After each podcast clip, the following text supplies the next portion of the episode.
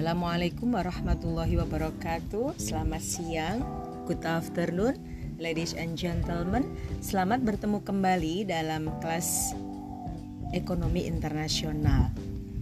Sudah tujuh kali pertemuan kita mempelajari materi ini, materi kuliah ini, dan minggu depan kita akan melaksanakan ujian tengah semester middle exam.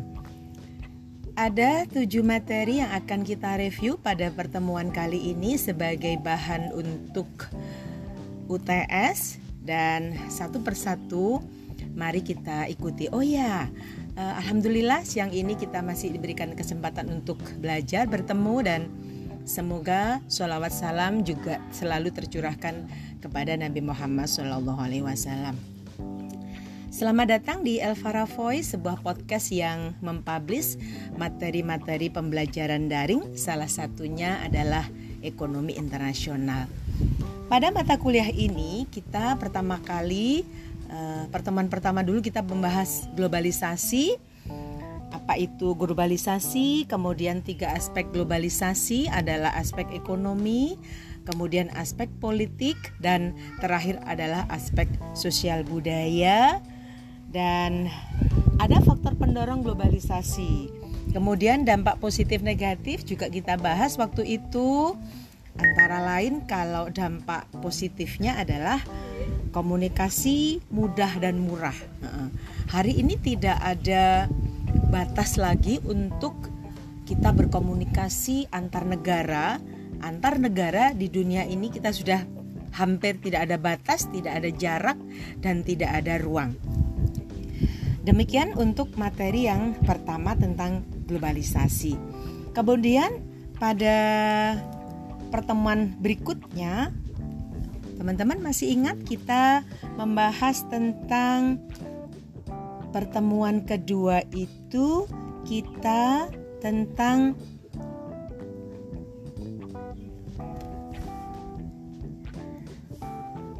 mengapa terjadi mengapa mengapa terjadi perdagangan internasional. Oke, pada pertemuan kedua kita membahas mengapa muncul perdagangan internasional. Kemudian, apa sih tujuan perdagangan internasional itu sendiri? Kemudian, apa manfaatnya? Dan terakhir adalah hambatan perdagangan internasional. Pada aspek kenapa muncul perdagangan internasional eh, adalah semua masing-masing negara memiliki comparative advantage. Masing-masing negara memiliki comparative competitiveness. Ada ada keunggulan komparatif, ada keunggulan absolut. Nah, pada pertemuan kita berdua kita belajar itu. Kemudian mengapa muncul perdagangan? Karena adanya perbedaan sumber daya antar negara. Yang kedua, adanya ketergantungan antar negara dalam perekonomian dunia. Nah, kemudian kita juga belajar eh, masing-masing tadi kita detailkan satu persatu perbedaan sumber daya misalnya adanya iklim dan kesuburan tanah yang berbeda sehingga itu memberikan komparatif advantage jadi keunggulan komparatif masing-masing negara bunga um, di Belanda itu tulips itu sangat luar biasa di Belanda, semua warna ada dan itu sangat sulit untuk tumbuh di Indonesia. Sebaliknya, untuk Indonesia beberapa banyak nih bunga e, banyak tanaman yang tidak bisa kalau ditanam di negara lain, terutama di negara-negara yang non tropis karena Indonesia terkenal dengan tropis. Nah, itu semua membawa konsekuensi tentang efisiensi produksi bagi masing-masing negara sehingga biaya yang diproduksi terhadap suatu barang di negara satu berbeda jika diproduksi di negara lain. Makanya masing-masing punya keunggulan komparatif, punya keunggulan kompetitif. Oke, okay, the next meeting kita bicara tentang pertemuan ketiga. Oke, kita ingat kita bicara tentang kerjasama. Salah satu aspek yang sangat penting di dalam ekonomi internasional adalah kerjasama. Ada kerjasama bilateral antar dua negara, itu yang kita bahas pada pertemuan ketiga. Kemudian pertemuan keempat kita bahas kerjasama multilateral. Kerjasama yang tidak hanya dua negara, namun lebih dari dua negara. Nah, nanti ada kita bahas nih uh, lebih detail kerjasama model-modelnya seperti apa. Kerjasama bilateral adalah kerjasama antar dua negara. Kalau kerjasama regional adalah kerjasama antar negara-negara dalam satu wilayah atau kawasan. Kerjasama multilateral adalah dilakukan oleh banyak negara. Kerjasama bilateral antara Indonesia dan Jepang dalam ekspor impor. Indonesia dengan India, ekspor impor minyak sawit, kacang mete, daging sapi.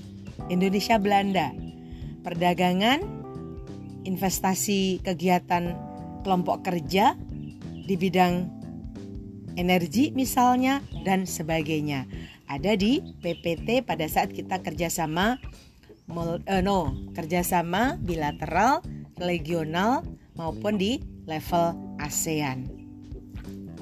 Ada AFTA, uh, ini juga uh, kerjasama multilateral, Asian Free Trade Organization. Kemudian pada pertemuan berikutnya kita belajar tentang kerjasama multi lateral. CGI, Consultative Group for Indonesia, mengganti IGGI. Dulu ketika tahun 80-90 ini kerjasama ini menghasilkan banyak proyek-proyek penelitian. Nah, waktu itu saya termasuk salah satu staff di dalamnya field field worker dan analyze data data analysis adalah IGGI. Jadi kerjasama Indonesia Belanda, Wageningen Leiden University dengan Brawijaya University mengerjakan proyek Malang Selatan untuk farming system. Nah, itu salah satu contoh kecil aja. Kemudian ada IDB, ASEAN Development Bank, Bank Pembangunan Asia. Ada IDB, Islamic Development Bank, Bank Perkembangan Islam. No, Bank Pembangunan Islam.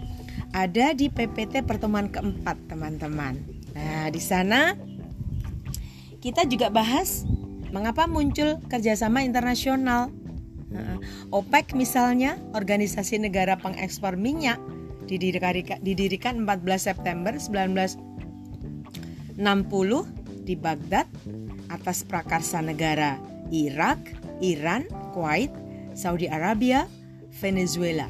Nah, Indonesia menjadi negara OPEC tahun 62. Ada beberapa tujuan OPEC di dalamnya.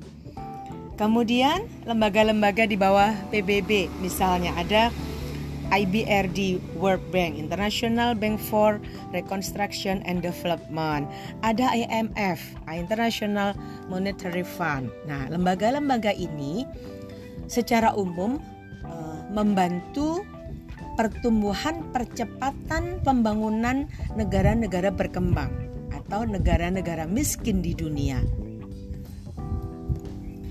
Ada UNDP, United Nation Development Program, badan PBB yang memberikan sumbangan untuk membiayai program pembangunan bagi negara berkembang. Ada juga UNIDO, United Nation Industrial Development Organization memajukan pembangunan bidang industri untuk negara berkembang. Nah, lembaga-lembaga multilateral banyak sekali anak-anakku yang berada di bawah PBB. Masih ingat FAO, Food and Agriculture Organization, eh, kerjasama di bidang pangan dan pertanian. Kemudian bidang tenaga kerja ada ILO, International Labor Organization, ada GATT anak-anakku General Agreement on Trade and Trade perjanjian tum on Tariff and Trade, perjanjian umum tentang tarif dan perdagangan. Semuanya disusun agar supaya produsen, konsumen, pengimpor, pengekspor semuanya menuju ke equilibrium. Masih ingat kalau equilibrium berarti antara kedua belah pihak tidak dirugikan namun ke depan adalah semua dalam rangka untuk meminimalisir kerugian sehingga kelebihan keuntungan pada masing-masing negara itu didapat. Ada IBRD World Bank, Bank Dunia, kemudian ada uh, pemberi pinjaman. IMF adalah lembaga internasional yang memberikan pinjaman kepada negara-negara berkembang dan negara-negara miskin supaya negara-negara miskin dan berkembang tersebut lebih cepat pertumbuhan per pembangunannya. Semua pembangunan adalah butuh investasi dan investasi adalah memerlukan modal. Nah, lembaga pemberi pinjaman dunia adalah EMF. Semua adalah di bawah PBB. Kemudian eh, kita coba sekilas eh, IMF didirikan pada tanggal 27 September 1945 sebagai hasil konferensi di Bretton Woods Amerika Serikat. Nah, prakarsa Oh, markas besar IMF adalah di Washington DC, Amerika Serikat. Mengamati, memberi saran dan mencapai untuk mencapai tujuan bersama dalam bidang keuangan dunia. Nah, itu salah satu uh, tujuannya. Ada banyak tujuan IMF, uh, kalian bisa lihat di PPT halaman 10 untuk kerjasama multilateral pada pertemuan keempat. Ada IDB, Islamic Research Organization, ada FAO, UNDP, semua dibahas cukup detail pada pertemuan keempat ini. Oke, kita lanjut pada pertemuan kelima. Pada pertemuan kelima, kita membahas Oke, okay, let me check. And the fifth meeting pada pertemuan kelima, kita membahas ekspor impor.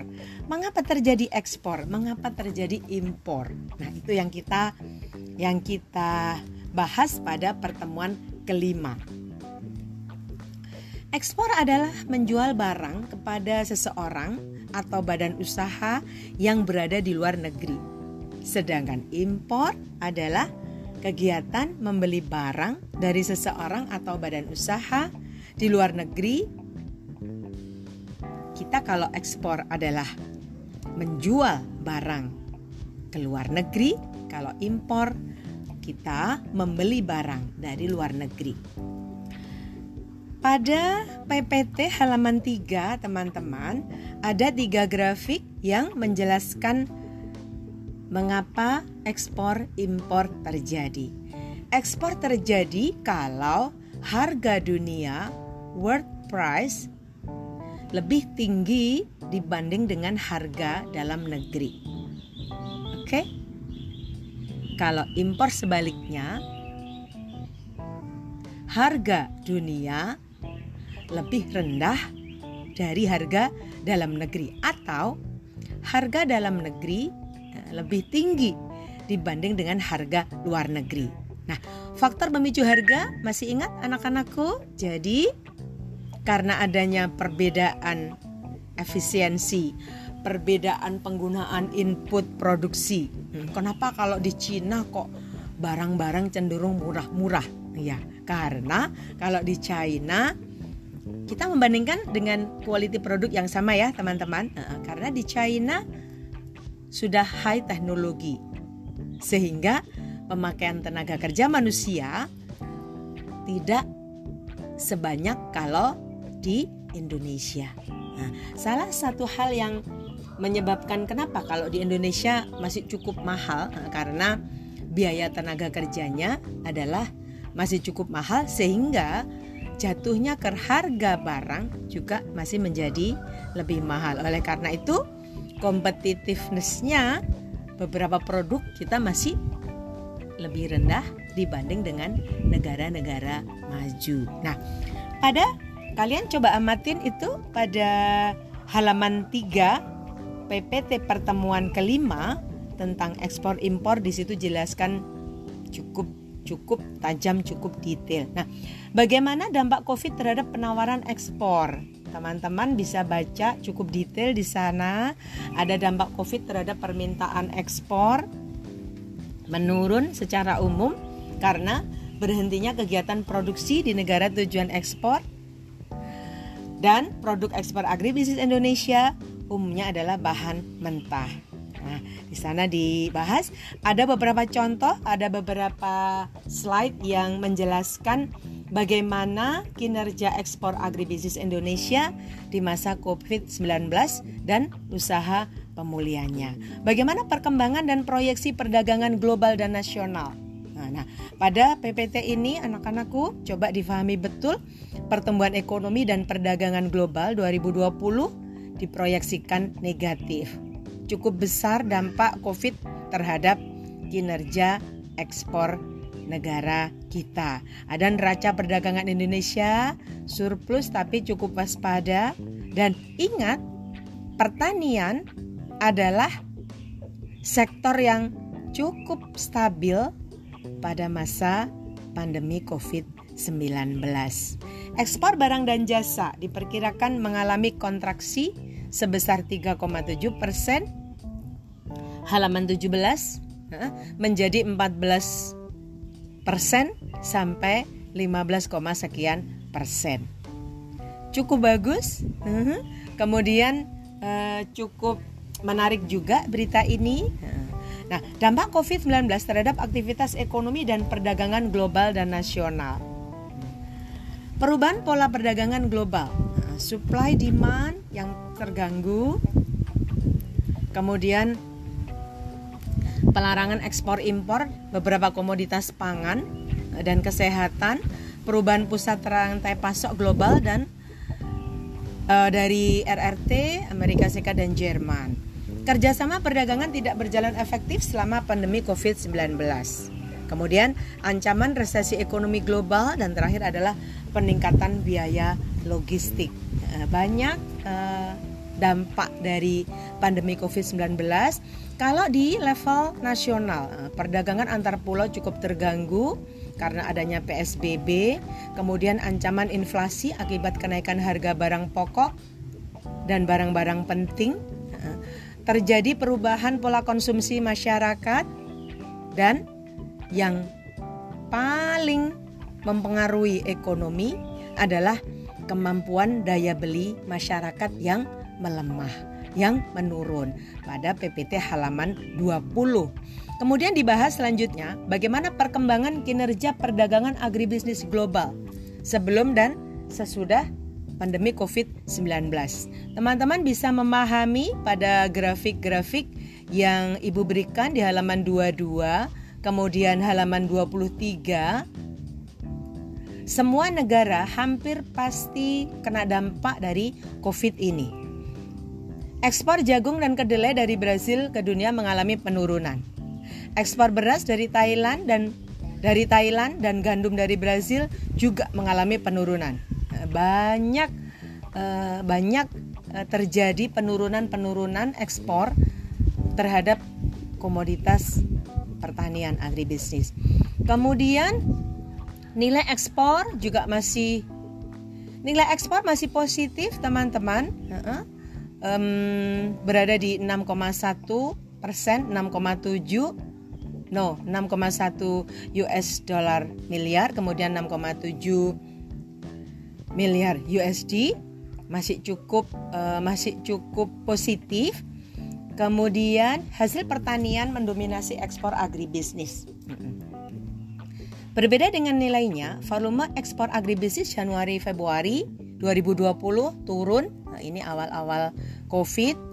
Kemudian kontribusi ekspor hasil pertanian meningkat secara nilai namun turun secara volume. PPT halaman 30. Data-data ini cukup baru karena saya mengambilnya dari bahan webinar webinar yang dari Deptan waktu itu Eh, data-datanya cukup baru 2020 keren banget nih. Eh, nah, bagaimana tantangan dan peluang ekspor agribisnis di masa pandemi Covid-19? Teman-teman bisa mempelajarinya pada halaman 33, 34, 35. Sedangkan strategi pemulihan pada Menteri Perdagangan kalian bisa lihat di halaman 37 dan 38. Oke. Lanjut pada pertemuan keenam, uh, teman-teman. Pertemuan keenam kita membahas tentang, uh, let me check. Pertemuan keenam kita membahas pembayaran internasional dan valuta asing. Nah, uh, ada istilah ekonomi internasional, ada istilah perdagangan internasional. Nah, perdagangan internasional bagian dari ekonomi internasional. Jadi, ekonomi internasional adalah perdagangan internasional ditambah dengan pembayaran internasional. Pem finansial internasional. Nah, finansial internasional adalah berkaitan dengan pembayaran internasional dan valuta asing. Pembayaran internasional adalah pembayaran atas transaksi yang dilakukan oleh negara-negara yang terlibat dalam perdagangan internasional berdasarkan kesepakatan yang telah dirundingkan sebelumnya. Teman-teman bisa mempelajarinya pada PPT pertemuan ke-6 tentang pembayaran internasional. Ada lima macam cara pembayaran internasional, advance payment, cash in advance. Kemudian yang kedua open account. Ketiga consignment. Keempat collection basis. And the last adalah letter of credit LC. Semuanya teman-teman bisa mempelajarinya secara detail pada materi pertemuan ke-6 tentang pembayaran internasional dan valuta asing. Bagaimana masing-masing itu dijelaskan secara detail beserta contoh-contohnya. Oke, kemudian transaksi modal, ada transaksi modal jangka pendek, ada transaksi modal jangka panjang. Kalian bisa mempelajarinya pada halaman 15, 16, 17. Oke, tiga halaman itu. Kemudian masalah dalam analisis neraca pembayaran kalian juga bisa pelajarin pada halaman 18 dan seterusnya dan pada materi ini kita juga akan belajar tentang valuta asing. Valuta asing adalah mata uang yang dipakai atau mudah diterima oleh banyak negara dalam perdagangan internasional. Dan saat ini dalam uh, lima tahun terakhir ini ada mata uang yang sudah mulai digunakan untuk pembayaran internasional adalah crypto, cryptocurrency. Nah, ini nampaknya nanti dalam uh, dalam waktu yang dekat, terutama di karena ini juga udah zaman digital, nah, maka mata uang digital ini cryptocurrency juga sudah akan di launching oleh Menteri Keuangan Republik Indonesia. Karena um, memudahkan di dalam transaksi juga uh, beberapa hal ini sudah disiapkan oleh pemerintah dan uh, ada pasar uangnya juga Indodax. Kalau Binance Indodax adalah pasar cryptocurrency untuk Indonesia uh, yang sudah diakui oleh lembaga negara. Kalau di level Asia adalah Binance. Nah um, sebuah sebuah cryptocurrency, sebuah koin yang sudah masuk ke dalam pasar ASEAN, tentu Binance tentu nilainya akan jauh berbeda uh, kalau hanya dipasarkan di dalam negeri. Oke, nanti mungkin untuk cryptocurrency mungkin kita akan setelah UTS mungkin kita uh, akan bahas nanti uh, lebih detail. Fungsi valuta asing, jenis-jenis valuta asing, teman-teman bisa pelajarin di halaman 22 di materi pertemuan ke-6. Kemudian kurs, bagaimana nilai harga antara dua mata uang yang berbeda. Kurs dolar hari ini dalam sebulan ini turun terus 14.200 bahkan pernah mencapai 14.050 rupiah. Hari kemarin sudah meningkat lagi 14,2. Nah, kurs mata uang adalah perbedaan antara uh, mata uang uh, di antara dua negara. Nah, kurs beli, kurs yang berlaku apabila menukar dari mata uang dalam negeri ke mata ke mata uang ke mata uang asing. Penyebab perbedaan kurs teman-teman juga bisa pelajarin di materi berikutnya halaman 25 6. Kemudian fungsi falas, keburukan pasar falas, kalian bisa baca di halaman 29 PPT pertemuan ke-6. Oke, okay, the last PPT pada pertemuan sebelum UTS adalah pertemuan ke-7. Kita bicara tentang World Trade Organization, WTO. WTO adalah kalau bahasa Indonesia kita bicaranya WTO. Oke. Okay. Rasionalisasi liberasi liberal, rasionalisasi liberalisasi perdagangan itu kalian bisa baca di pertemuan ketujuh PPT halaman kedua. Mengapa terjadi uh, liberalisasi perdagangan? Bagaimana distorsi, distorsi produksi? Bagaimana distorsi konsumsi? Semuanya uh, bisa dipahami, semuanya bisa dijelaskan pada materi pertemuan ketujuh. Kemudian bagaimana proteksi industri, bagaimana proteksi, bagaimana perlindungan konsumen uh, dapat dilihat uh, pada halaman 2 dan 3. Pada halaman 7 coba kita lihat sekilas bagaimana tentang WTO. WTO adalah menggantikan GATT 1947 sebagai hasil Uruguay Round eh, dari tahun 86 sampai 94. Kemudian Indonesia meratifikasi dengan Undang-Undang Nomor 7 tahun 94. Tujuannya adalah menjamin agar perdagangan global dapat berlangsung secara mulus dan lebih dapat diprediksi. Secara ekonomi akan membawa manfaat efisiensi alokasi sumber daya. Nah, prinsip dasar WTO adalah Tarif yang tidak boleh naik, most favor nation, perlakuan sama untuk semua negara, dan national treatment, perlakuan sama untuk barang impor dan domestik. Ada banyak hal yang kita belajar bisa pelajarin pada pertemuan ke-7 WTO pertanian dalam sense of WTO kalian bisa lihat pada halaman 12 di 13 kita belajar isu strategis apa saja mencakup WTO di bidang agriculture, isu-isu strategis, market access, domestic access dan semuanya. Oke, tujuh materi sudah kita review teman-teman. Selamat belajar. Pastikan teman-teman minimal tujuh kali masuk ke daring Unisma once in a week satu kali seminggu itu otomatis automatically menjadi absensi kalian pada pada pertemuan kuliah ekonomi internasional. Pastikan di dalam middle exam tidak ada masalah sinyal. Ini sudah keempat kalinya kita exam dengan online secara online. Jadi uh, I hope you work well mengerjakan semua soal dengan benar dan seksama. No discuss in this group, tidak ada diskusi di dalam grup selama kita ujian, teman-teman remember.